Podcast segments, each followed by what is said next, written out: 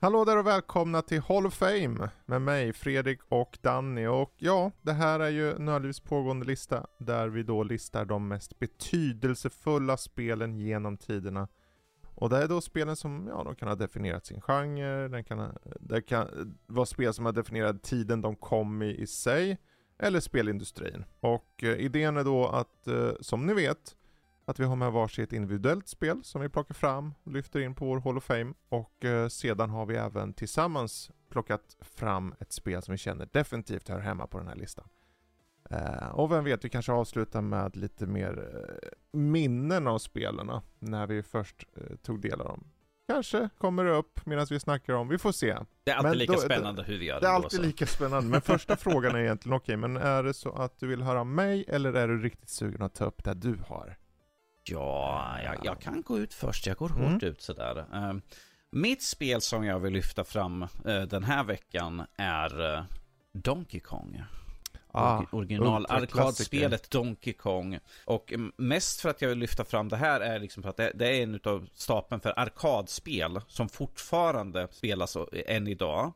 Och eh, det är fortfarande utmaning. Och vi vet ju det här med, vad heter det, King of Donkey Kong, eh, dokumentären som kom ut för ett par år sedan. Jag tror den heter King of Donkey Kong, jag är osäker. Som kom ut för några år sedan. Som King lyft- of Kong. King of säkert. Kong, precis. Eh, liksom att det är fortfarande ett hett topic liksom och ja, de får skandaler om vem som har högsta poäng och allt sånt där. Men förutom just att det fortfarande är ett väldigt populärt spel så har vi, ser vi för första gången några viktiga punkter i spelindustrin. Och först och främst är det då första appearance utav Jumpman, eller som han senare blev känd som Mario.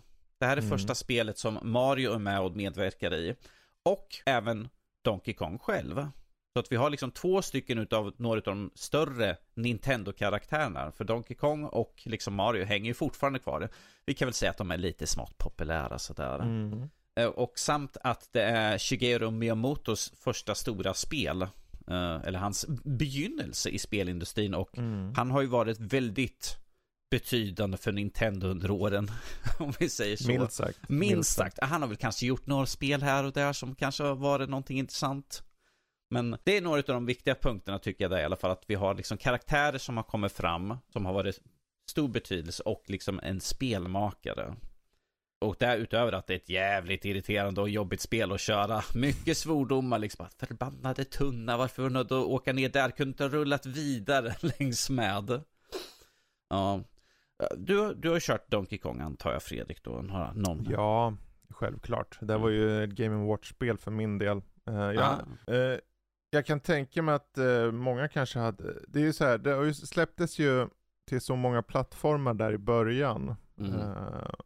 Eh, och eh, alla har väl sin ingångsport eh, till det. Men för mig var det nog Game Watch, att man kunde köra i handen liksom. Och det var ju väldigt enkelt där. Väldigt så här, egentligen lite för enkelt. För det finns mer dynamik i, i uh, arkadversionen. Mm. Ehm, men just det här med att eh, man får poäng liksom för, eh, för saker och ting. Att, eh, att du kan liksom förstöra saker med hammaren och sånt om jag minns rätt i den här arkadversionen och så. T- Tro mig, poäng var inte någonting, det var liksom överlevbara. Ja, precis. Det var inte liksom hur höga poäng på, det är mer så kan jag överleva och komma upp liksom. Men det är ett sånt enkelt koncept liksom. Och den som, den som skön liksom idé som, där och då fanns det ju inte riktigt namn på karaktären som du var inne på. Utan det Mm. var ju bara karaktärer de gjorde. Och sen så skapar de historia om dem efter ett tag. Jag menar, det är, ku- det är ju ganska godtyckligt. Ja men vi, det, är- det är Mario. Ja. Men någonstans så är det så här, hela den spelmekaniken med just plattformande har ju sitt tydliga ursprung här uppenbarligen. Och eh, det går ju inte att inte se att det är Mario. Och sen att vi har, om det nu, hela konceptet med Mario-spelen egentligen etableras ju på det att Donkey Kong håller ju Pauline i det här fallet om jag Ja. minns rätt. Polinius. Och eh, Mario Han senare behöver rädda spel är henne. en stor skurk som har en Ja. kvinna fången och vad gör Mario? Han försöker rädda henne. Vad ser vi i de nästkommande Mario-spelen? Det är en stor skurk som håller en kvinna fången Mm. och Mario måste komma och rädda henne. Exakt, så att det, det blir ju en stapel då och det är ett koncept som funkar. Och sen är det såklart, det är i sig inte eh, så stort i sig. Nej. Men det är just det här med att det finns en, tro eller ej, ett underliggande story till och med i det här väldigt eh, basic spel liksom. Och det är ju någonting på en, en tid där, alltså det fanns ju inte story i spel. Pong, vad handlar det om? Nej. ja, precis. Så, så att, att föra in element som det i, i arkadhallen är någonting som var ganska stort ärligt talat. Sen att det kom till typ allt därefter, alla fall fram till eh, Game Boy Advance typ. Eh, jag har mig inte sett eh, den här Donkey Kong kanske numera så värst mycket av, men den finns säkerligen på typ eh, den här Nintendo online eller något kanske. Skulle inte förvåna mig, jag menar. Precis. Ja, ja precis. Jag tycker det är kul det liksom att vi ser igen, stå, äh, liksom, även fast det är liksom inte någonting man tänker med att det är subtilt, det, är liksom, det här är storylinen som blir för alla Mario-spel egentligen mm. sådär, det är rätt kul egentligen sådär.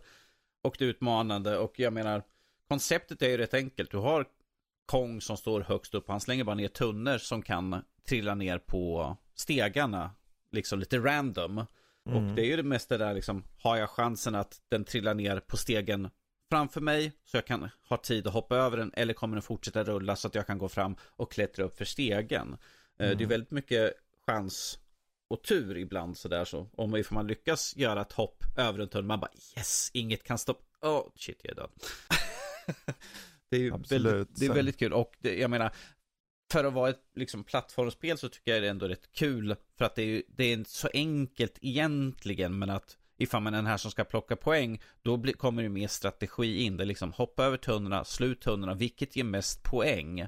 Eller ska mm. jag liksom försöka ta, bara ta mig snabbt upp och försöka se hur snabbt jag kan klara av det. Det finns ju ett speedrunning-element och det finns så här, vilket poängplockande för de som vill ha den mm. Aspekten av spelet sådär. Ja, jag tror att just det, ringarna på vattnet för det här spelet är just hela arkadsvängen och först och främst att arkadspelandet blev på riktigt här. Vi hade ju sett, som, som vi tar upp i andra avsnitt, att det finns såklart arkadspel som har en enorm impact. Och det här är ju ett av dem. Mm. Uh, Pac-Man var en stor, det här är definitivt en stor. Och det här gav ju egentligen Nintendo lite sådär, ja men den här karaktären kanske vi kan göra något med liksom. Uh, och det är ju, det är en intressant resa ändå i slutändan liksom. Jag menar, uh. om vi ser det så här. Det här är ju inte bara begynnelsen för Mario-spelen, utan det är också för Kong-spelen. Donkey mm. Kong-serien också ju, för att han blev populär här igenom. Jag tycker det är kul att vi får se två stycken Nintendo-serier som liksom splittar ut ifrån det här. Mm. Från två liksom, liksom, ah, vi har en stor apa och vi har en, en snubbe som hoppar över lite tunnor och sånt. Precis, precis. Jag menar, det ledde ju sen till, var Donkey Kong Junior, uppföljaren. Precis. Uh, som kom egentligen bara ett par år senare. Uh, och ändå lyckades ge betydligt mer variation i utseendet liksom. Mm. Uh, jag menar, de och det är en tid när liksom enheter var väldigt begränsade. Så har de ändå den här variationen och, och så. Mm. Ja, det är ju en, en bra, bra resa där. Precis, Donkey Kong Junior kom året efteråt. Mm. Så det är ju snabba ryck, man ser liksom bara Shit, det här var faktiskt en hit. Mm. Fort, gör något nytt. gör någonting på samma, samma, men att liksom göra lite annorlunda. Ja. Jag ja, det är mycket som kan hända på en sån period också. För den första Donkey Kong släpptes 81 och sen Donkey Kong Junior 83. Och det är så här, den perioden, eller 82, mm. och då är det så här, de arkadmaskinerna under en sån period får mer liksom kraft, liksom mer uh, prestanda så att säga. Och det märk, märktes av. Mm. Uh, ungefär som jag, jag vet ju, vi har ju nämnt det i tidigare avsnitt här just med evolutionen eller utvecklingen i till exempel hårdvara, exempelvis slutet på 90-talet. Man såg från 95 till 2000 eh, att varje år bara adderar till hårdvaran. Du kan ha ett spel som släpps i början på året som klarar en viss dator till exempel och sen i slutet på det året då behöver du en helt annan dator. Mm. Om du ska få fel. Så att det, och precis samma sak var just den utvecklingen på arkadmarknaden. Även om den var lite mer långsam då, för att du behövde inte, ha, du behövde inte se den utvecklingen på samma sätt. Nej. Men sen äh, hjälpte det ju till då att det släpptes till alla de här eh, hemma, hemenheterna. Atari 2600, Intellivision och allt vad det heter. Så att, eh, sen, är kanske, sen ska man väl säga det att jag, jag, jag kommer inte ihåg, jag för mig jag kört på ZX Spectrum och det såg för jävligt ut. jag, Men, jag körde ju på gamla SNES, äh, Nessen liksom. Och, ja. Men trots det så är konceptet intakt. Mm. Liksom. Eh, så att, eh, och de bästa spelen var ju de som, som inte blev alltför påverkade av uh, plattformshoppandet så att säga. mm. Eller plattformshoppande, alltså att det finns på olika plattformar. Mm. Uh, Medan det finns vissa spel, jag kommer ihåg det fanns en hel bunt spel som så här, först har du en arkadversion och sen så kommer Commodore 64-versionen och den är så här lite klapprutten ärligt talat. Så där. Det hände ju. ja, jo. Eh, Så det skulle liksom degraderas i kvalitet så väldigt mycket. Men Precis. Ja, vi har, vi har det här spelet på plattform X och sen ska vi porta det till plattform Z som är typ 50% Mm. sämre liksom hur, hur väl det fungerar. Liksom, ah, shit, vi kan inte få med Precis. allting. Vi måste dumma ner och minska ner hela koncepten sådär. Det, det är ju som, Nej, tur, det är som vi, det enda jag skulle kunna ta som jämförelse nu ifall du gör ett, ett spel till Playstation 5 eller Xbox Series X och sen ska liksom porta över det till Switch. mm, Det, det är lite grann den jämförelsen för precis, att precis. Switch har ju en lägre prestanda om vi ser till, till Mm. konsolerna i alla fall. Det är inget annat menat, men det är bara så det är. Att liksom föra över någonting där, vi vet att det måste liksom dras ner ganska Mm. rejält. Och det var ju då vi hade det, som, som du nämnde, liksom att en del plattformar var liksom såhär, hmm, okej, vi måste verkligen dra ner på Precis. allting. precis. Men det, men det är ju där också varför Nintendo liksom egentligen drog iväg ganska hårt på den tiden. För att de var nästan primärt de första som hade de här. Visst, de var ju Mm. På arkad och sånt, men att liksom, de hade sina hemmakonsoler där de hade nästan de bästa versionerna av sina egna spel så att säga ju. Även för att det portades så. kanske till annat då. De är inte lika mycket och, och portar sina spel idag. Det är liksom nästan no-no. Men att då kunde man se liksom Nintendo-spel lite granna varstans där på olika Mm. andra. Men jo, ja, verkligen. Och på, på många sätt och vis tack vare, i det här fallet, eh, Mario då i förlängningen, så är det egentligen det som räddade spelindustrin till viss del. För att eh, vi såg ju den här kraschen där i tidigt 80-tal. ja, Och eh, då var det ju ändå att Nintendo fortsatte ändå. De kom med Nessen där. Och eh, om vi inte hade fått den, i alla fall sett till konsumentsidan, alltså den här mer casual-sidan. Eh, datorer och sånt hade ändå redan börjat ploppa upp och så, men att det var inte samma marknad där. nej. Men att de då etablerade med eh, Nessen så vart det tydligt, okej det, finns, det finns fortfarande liv här, vi kan faktiskt fortsätta. För det var, ärligt talat så skulle jag, vi kunde vara i en situation där vi var, eh, att spelindustrin bara gavs upp på Mm. under den perioden. Det var verkligen på håret. Eh, särskilt när det var Nessen, när kom den typ först? Kom runt 83. 83, 83 i Japan. Ja, precis. Eh, 86 i Europa. Mm. Så att, ehm, och då var det så här, det var ju en chansning ändå. Men då hade de ju självaste Mario tack vare det här i bagaget och vips så vart det en superhit. Så att eh, bra förslag. Vi, vi kan ju ta runda av just Donkey Kong här då. Men Mm. det, den åker i alla fall rakt in på Hall of Fame. Yay! Värdig, värdigt spel från 81 där.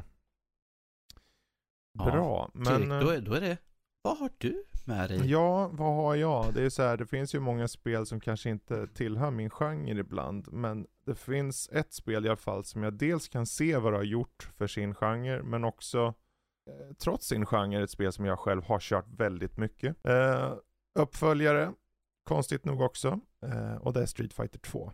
Mm. Eh, jag tänkte den här har ju sin gedigna plats av flera skäl på Hall of Fame. Eh, och jag tror, även om man först tänker då, men varför har du inte första spelet med? Det är väl egentligen, det första spelet var ett sånt spel som egentligen kom och gick lite grann. Den hade några tydliga beståndsdelar och så. Men grafiken, upplägget var lite mer eh, rudimentärt och fick inte riktigt det genomslaget som, som de hade hoppats. Även om det vart en liten hit. Men med tvåan eh, så var det på riktigt så att säga. För jag tror att det första spelet som egentligen utmärkte sig först på arkadhallar till exempel. Så var det egentligen Street Fighter 2 då och särskilt eh, Super Nintendo versionen Mm. som introducerade fighting-genren till den breda massan och den gjorde det på ett sånt sätt så att alla kunde plocka upp och köra det. Eh, och liksom skickade ut uh, idén om hur ett fightingspel ska vara. Och egentligen är det på, man skulle, jag skulle nog påstå att uh, det är Street Fighter 2 som etablerar hela genren på riktigt. Ja, vi har sett genren innan, men det är tack vare det här spelet då från eh, uh, 91 som, som man får de här special uh, movesen, man får ett kombosystem som är lite mer intrikat. Um, och sen att det, att det transcendar liksom uh, och når vem som helst där ute. För det, det ska man ju ge det. Arkadhallar är ju en, en kul plats att gå till, eller i alla fall var det där. Mm. Men att det går, att man behöver betala i mynt och då, det är bara så länge du står där i regel. Sen har vi sådana här galningar som fanns på sin tid som bara mosar mynt i. Men för gemene man så var det man gick dit, man hade, hade en 10 eller två och körde par, kanske kostade en femma per omgång till exempel eller någonting. Uh, och där, sen var du nöjd för att det kostade liksom. Mm. Men att det liksom fördes ut till den breda massan och, uh, och gjorde att det liksom etablerade fighting-genren och, och dessutom med ett par väldigt tydliga karaktärer. För alla karaktärer var väldigt, väldigt tydliga i, i sin skillnad mot varandra på något sätt. I kontrasten till de andra så var det en väldigt tydlig skillnad. Jag tycker det var, det var en, en, en väldigt stark fullträff på må så många plan. Som vi fortfarande märker av uh, effekten av idag. Liksom. Ja, speciellt på den serien. Men som, som du nämnde det i början att uh, man frågar sig varför inte första spelet? Ja, ah, jo. Första spelet kom 87 och det var ju väldigt mer rutinärt som du sa. Det är inte lika flashigt så att säga ju. Det är lite mer stelt. Slå, slå, sparka. Det är inte liksom några sådana här superattacker eller liksom kombosystem där. Men att vi ser att karaktärer kom ju vidare från första spelet. Men att mm. det var ju liksom i tvåan, som sagt, där de hade liksom arbetat under fyra år på konceptet. Liksom att vi har de här karaktärerna, vi har liksom någonting. Men att vi behöver någonting med mer tyngd mm. i sig. Uh, vilket mm. alla de här, jag menar, jag kommer ihåg liksom, ja vi halvmåne, BA, då, nu har jag gjort super mm. här. liksom kom ihåg alla olika kombinationer, eller bara lär sig en och, och liksom mosa den. Eller som kör som Chun Li och liksom bara köra hennes superkickar hela tiden. Ja, Trycka på en och samma knapp hela tiden bara. Jag ställer in dem i ett hörn nu, de kör där. Liksom, ja, de hoppar över mig. Okej, nu är det kört för mig. jag tror jag mest körde som Chun Li faktiskt. Hon var ja. enklast att köra med enligt, enligt min.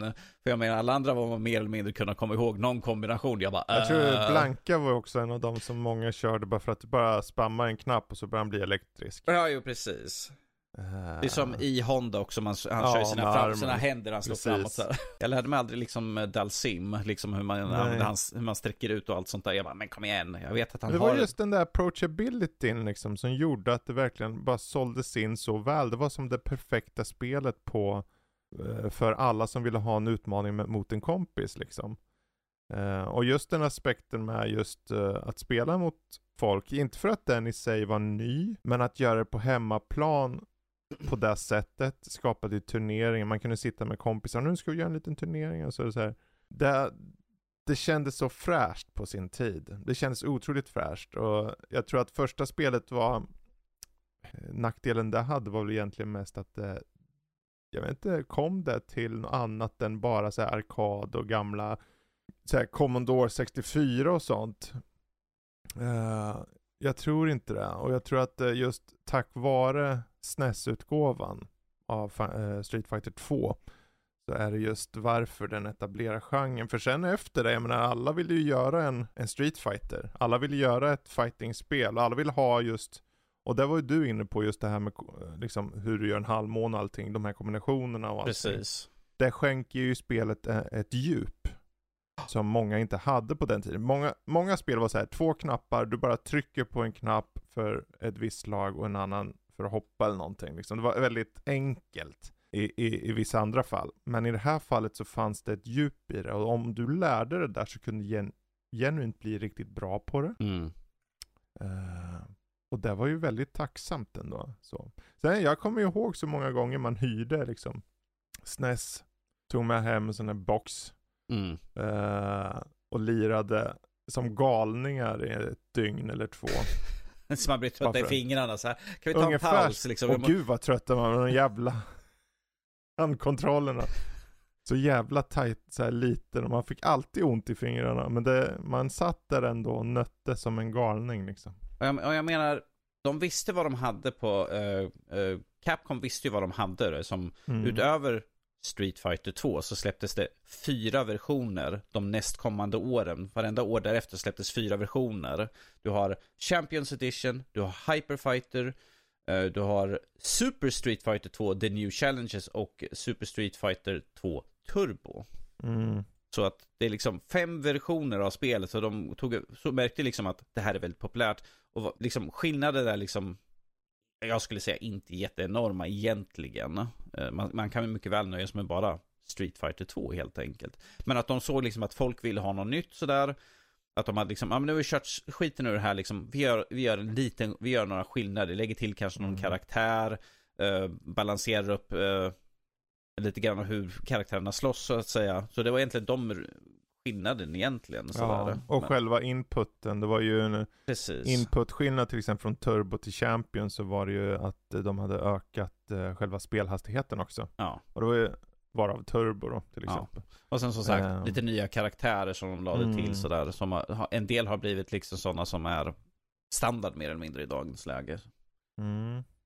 Jag menar, det här är ju ett spel som jag tror många kan säga liksom, ah, vad var din första fighting-spelupplevelse? Ja, men Street Fighter. Jag menar, jag tror att jag körde Street Fighter 2 först liksom. Av när det kommer till fighting-genren. Jag kan inte komma på någonting där direkt där innan sådär. Nej, inte jag heller. Jag menar, jag vet, jag vet, att man efteråt någon gång testar som, som vi skojade om innan här, liksom Virtual Fighter. Mm. Första polygonspelet mer eller mindre oh, så. Precis. Eh, 3D-polygonspel och sådana saker. Vi har ju haft, vi har ju också liksom nämnt uh, Mortal Kombat, men att Mortal Kombat mm. är på en helt annan nivå. Det har ju mer den här, som vi också sa precis innan, realism re med riktiga karaktärer ja. och sånt. Och sen är det liksom mer att det är den här våldsamma sidan med Street Fighter. Det, ja, det är, liksom mer spektaklet i det här spelet. Street Fighter, det är, det är liksom kombinationer liksom. Uh, det är skickligheten skicklighet, precis. Precis. Ja, Mortal Kombat uh. körde man bara liksom för att man ville höra liksom uh, Scorpion säga Get over here! Som slita skallen av någon eller blåsa mm. eld, göra dem, göra en liten kebab utav dem och blåsa eld på dem så här, liksom man bara Fatality. Men Street Fighter är liksom, det är fightingen som är det viktigaste, det är inte liksom spektaklet utan liksom så här, utföra den perfekta kom kombinationen mm. av slag liksom för att spöa din fiende och liksom vinna utan att bli Precis. träffad en enda gång egentligen. Ja, för de gick ju vidare och gjorde trean och de här där de faktiskt gjorde nya karaktärer och sånt också. Så var det mm. så här, okej, okay, allt handlar om balansering. Mm. Eh, tvåan av de olika versionerna har ju förvisso, jag kollar nu, det ser ut att de har i alla fall samma karaktärer. Ja. Men att de förändrar just hur du kör bosssystem och liknande. Hur du liksom når sådana här grandmaster-läge och liknande. Och det, att de ändå, hur många släppte liksom ett spel i flera versioner? Det är ju väldigt sällan man såg det på den tiden av det här slaget. Så det är ändå en kul effekt. Och effekten är ju egentligen på grund av intresset från, från publiken. För det vart ju en sån ultrasuccé, särskilt med tvåan då. Så att eh, det, det är kul att se och det är kul varför just den då förs in på på vår lilla Hall of Fame. Ja. Um... Ja, om man bara tittar liksom på Street fighter genren liksom att från första spel, alltså Street Fighter 2 räknar vi då som första mm. egentligen, så släpptes det en ny version nästan och de nya, nyare spelen ett per år fram till mm. 2000. Så det är ju eh, som sagt, första året 81 så släpptes det Street Fighter 2, sen släpptes det också Champions Edition på samma år. 91. 91 menar jag, precis. Ja. Och sen släpptes det de andra versionerna, nya spel, nya spelens versioner. Mm. Så att det var ju liksom en spelversion eller ny, ny i serien ända fram till 2000. Sen började vi se att det slöade ner lite grann.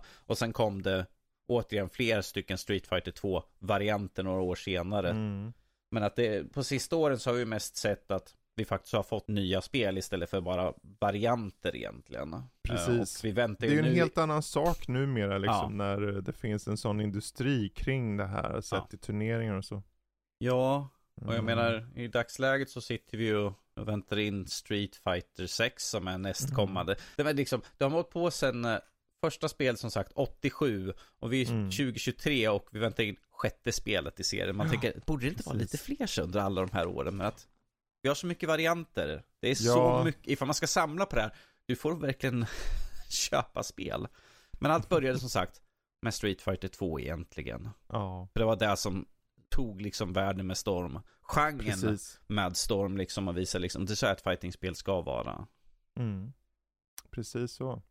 Bra, men då tar vi och rundar av det och sen tar vi och kollar på, det är ju ett spel som vi tillsammans har valt och eh, du kan ju få lyfta in det. Vad är, vad, vad är detta för någonting? Och varför Eh, liksom? Det här spelet har haft väldigt många uppföljare och en, har även lett upp till min favoritspelserie, vilken är, som är Assassin's Creed. Och då kan man tänka, men vad är det då för ursprung som Mm. är, det här till Assassin's Creed? Jo, Assassin's Creed skulle egentligen ha varit Prince of Persia-spel, men att de eh, gjorde om det till det. Så att vad vi pratar om idag är originalspelet Prince of Persia som kom Mm. 89.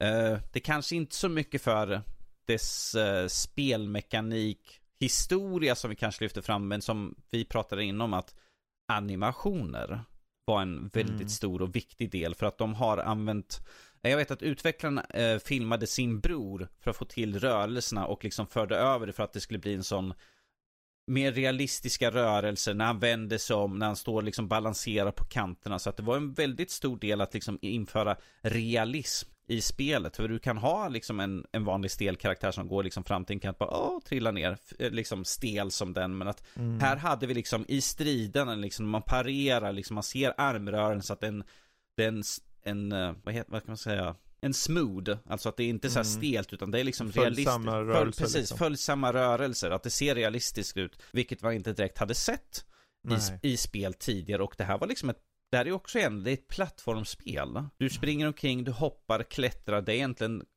Konceptet är att du ska leta upp liksom prinsessan eh, och du ska bara liksom ta dig förbi alla fällor men att du hade det här ett, ett animationssystem som liksom gick över egentligen vad man Mm. förväntar sig att det skulle vara. Precis så. Ehm, just det här att han rotoscopade sin bror och, och använde sig av den här eh, nästan följsamma och realistiska animationen. Det är så här, idag kan man ju lite så här rynka på näsan kan jag tänka med folk där ute. Va? Men det är väl ingenting. Men det är just det här att skapa inlevelse i att det känns realistiskt betyder inte att det behöver se realistiskt ut, mer som att du behöver uppleva att detaljerna kring det är realistiska, som i det här fallet animationerna. Mm. Och det gav ju en enorm eh, påverkan på spelindustrin. Märkligt nog, bara en kille som håller på att rita av sin bror, eh, så, så gav ju spelet egentligen eh, alla utvecklare idén om att, ja men om jag ska göra ett spel så det finns ingen som säger att jag inte kan ha väldigt följsamma animationer. Jag menar hela Playstation och alla deras spel är ju mallen nästan för att okej vi vill ha det så realistiskt i animationer som möjligt. Mm. Den cinematiska upplevelsen. Precis. Och det är ju den cinematiska upplevelsen man hade här i den här Cinematic Platform-spelet som fanns i form av Prince of Persia.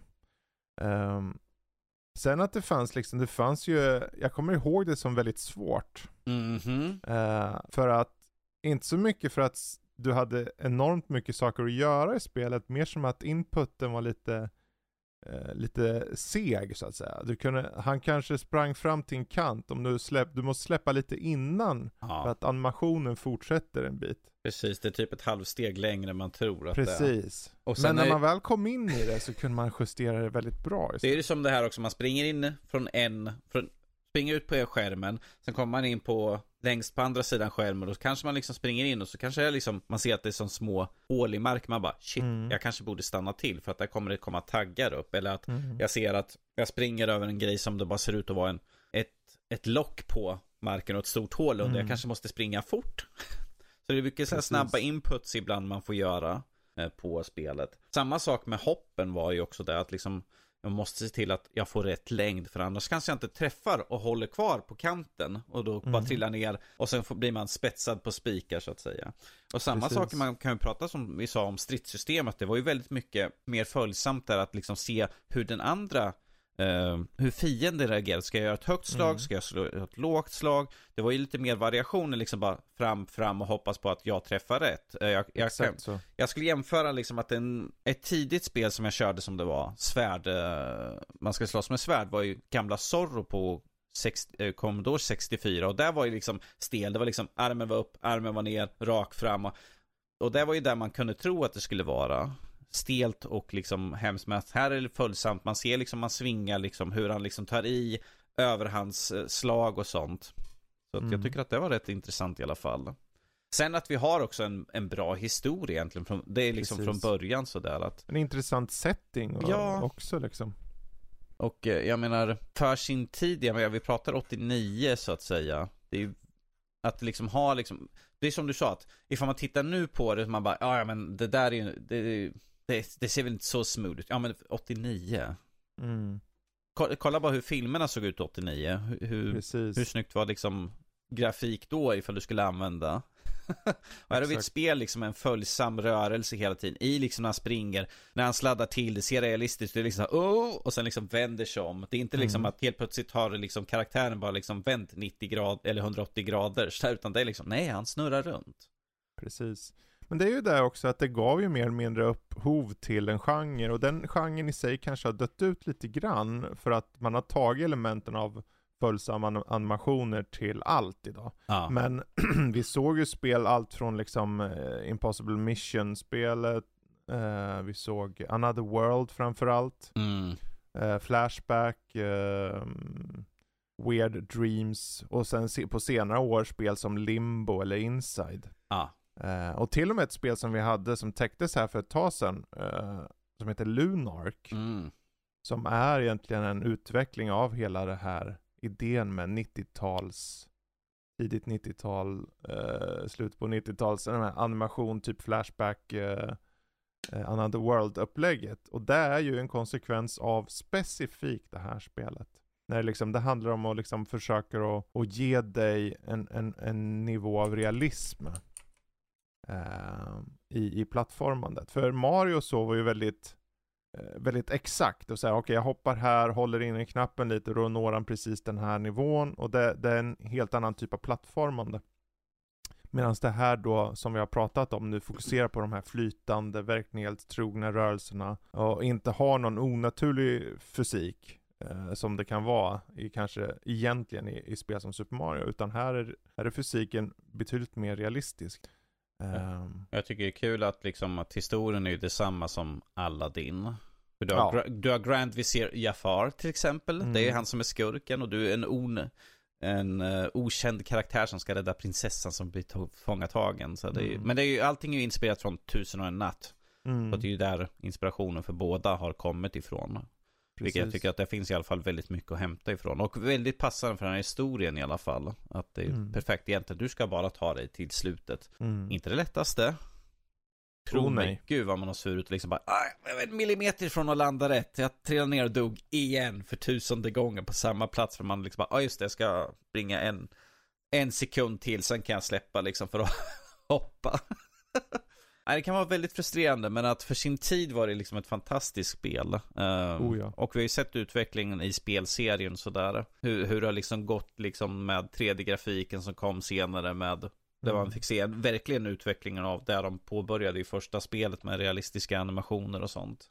Ja, och jag kommer ju, jag kommer så väl ihåg när de släppte Prince of Persia 3D som det hette och det blev en enorm flopp. Mm. Alltså en av de största snackisarna som fanns på den tiden eh, runt slutet på 90-talet. Och sen så gjorde de ju en reboot i vad som kallades The Sands of Time mm. ett par år senare.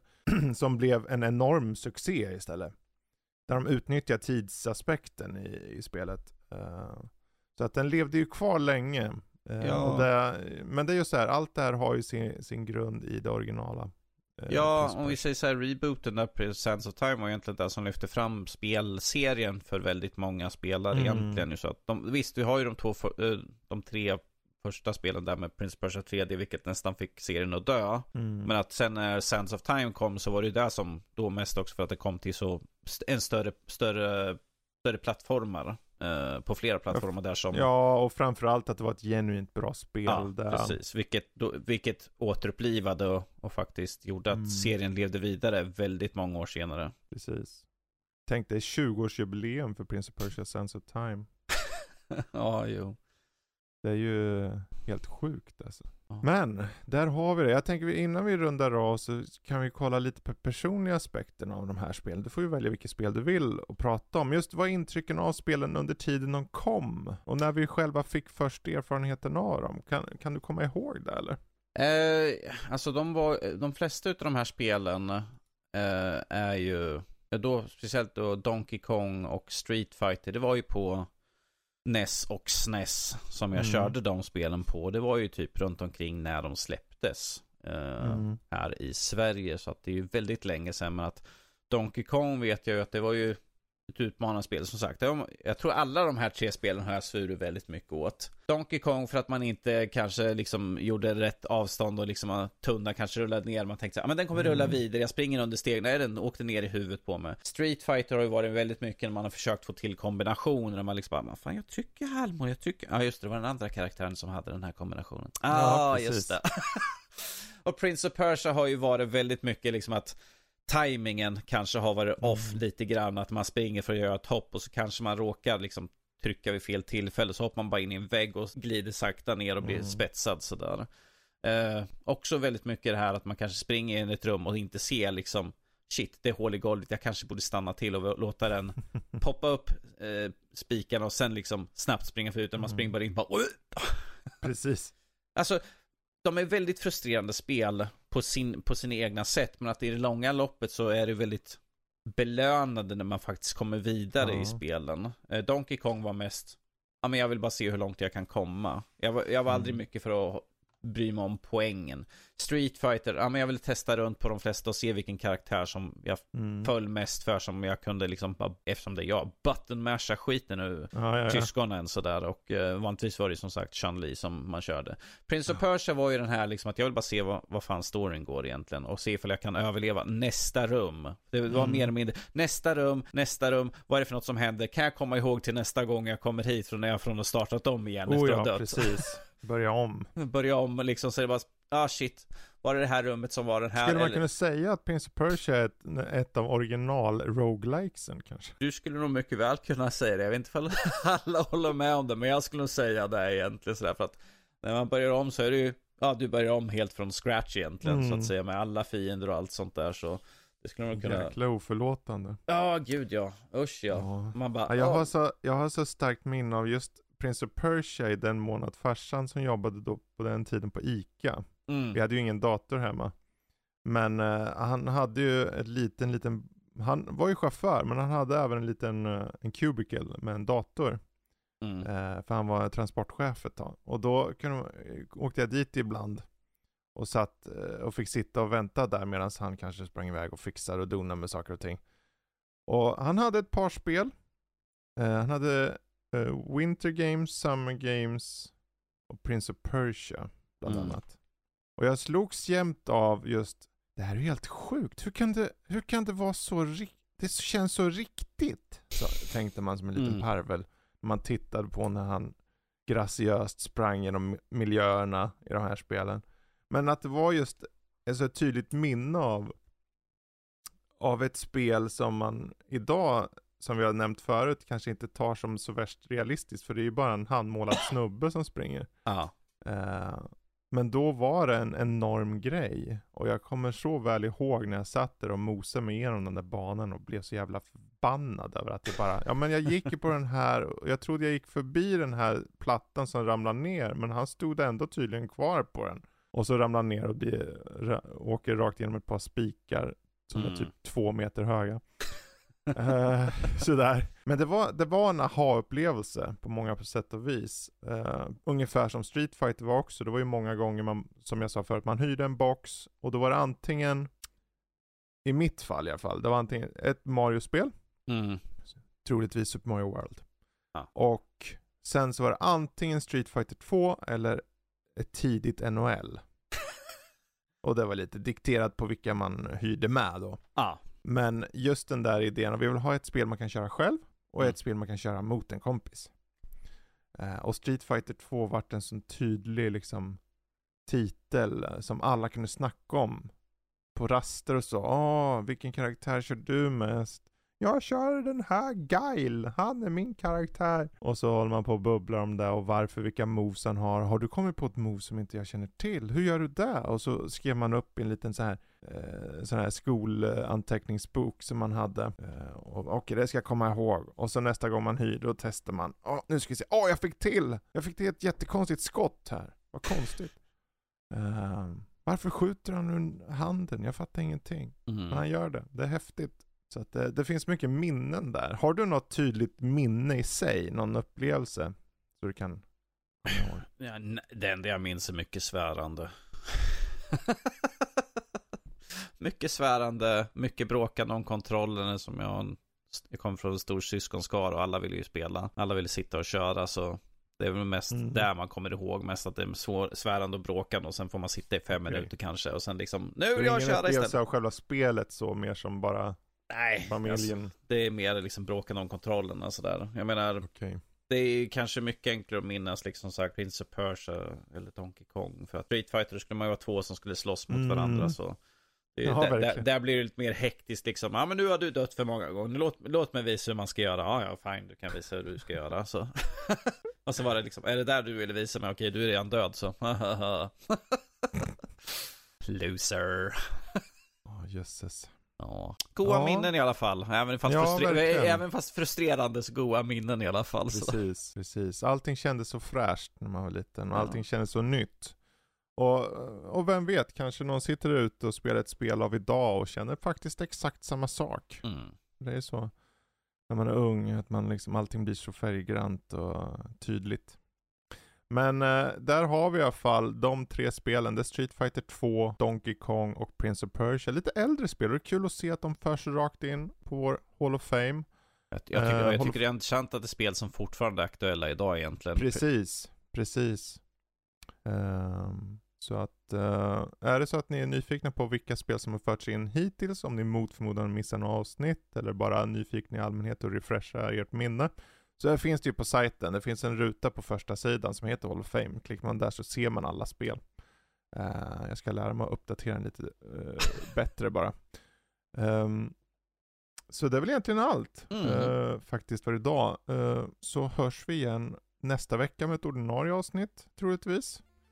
Det kan vara att, att det inte gör det, för att det här avsnittet spelar vi in lite i förväg, så att om det här kommer ut veckan innan sista avsnittet på säsongen, det återstår att se. Det blir alltid spännande. Ja. Så antingen vi hörs nästa vecka eller det gör vi inte. Eller på ett Ja. sätt hörs vi. Vi hörs, vi hörs, vi hörs. Ha det bra allihopa, hej då! Tjingeling!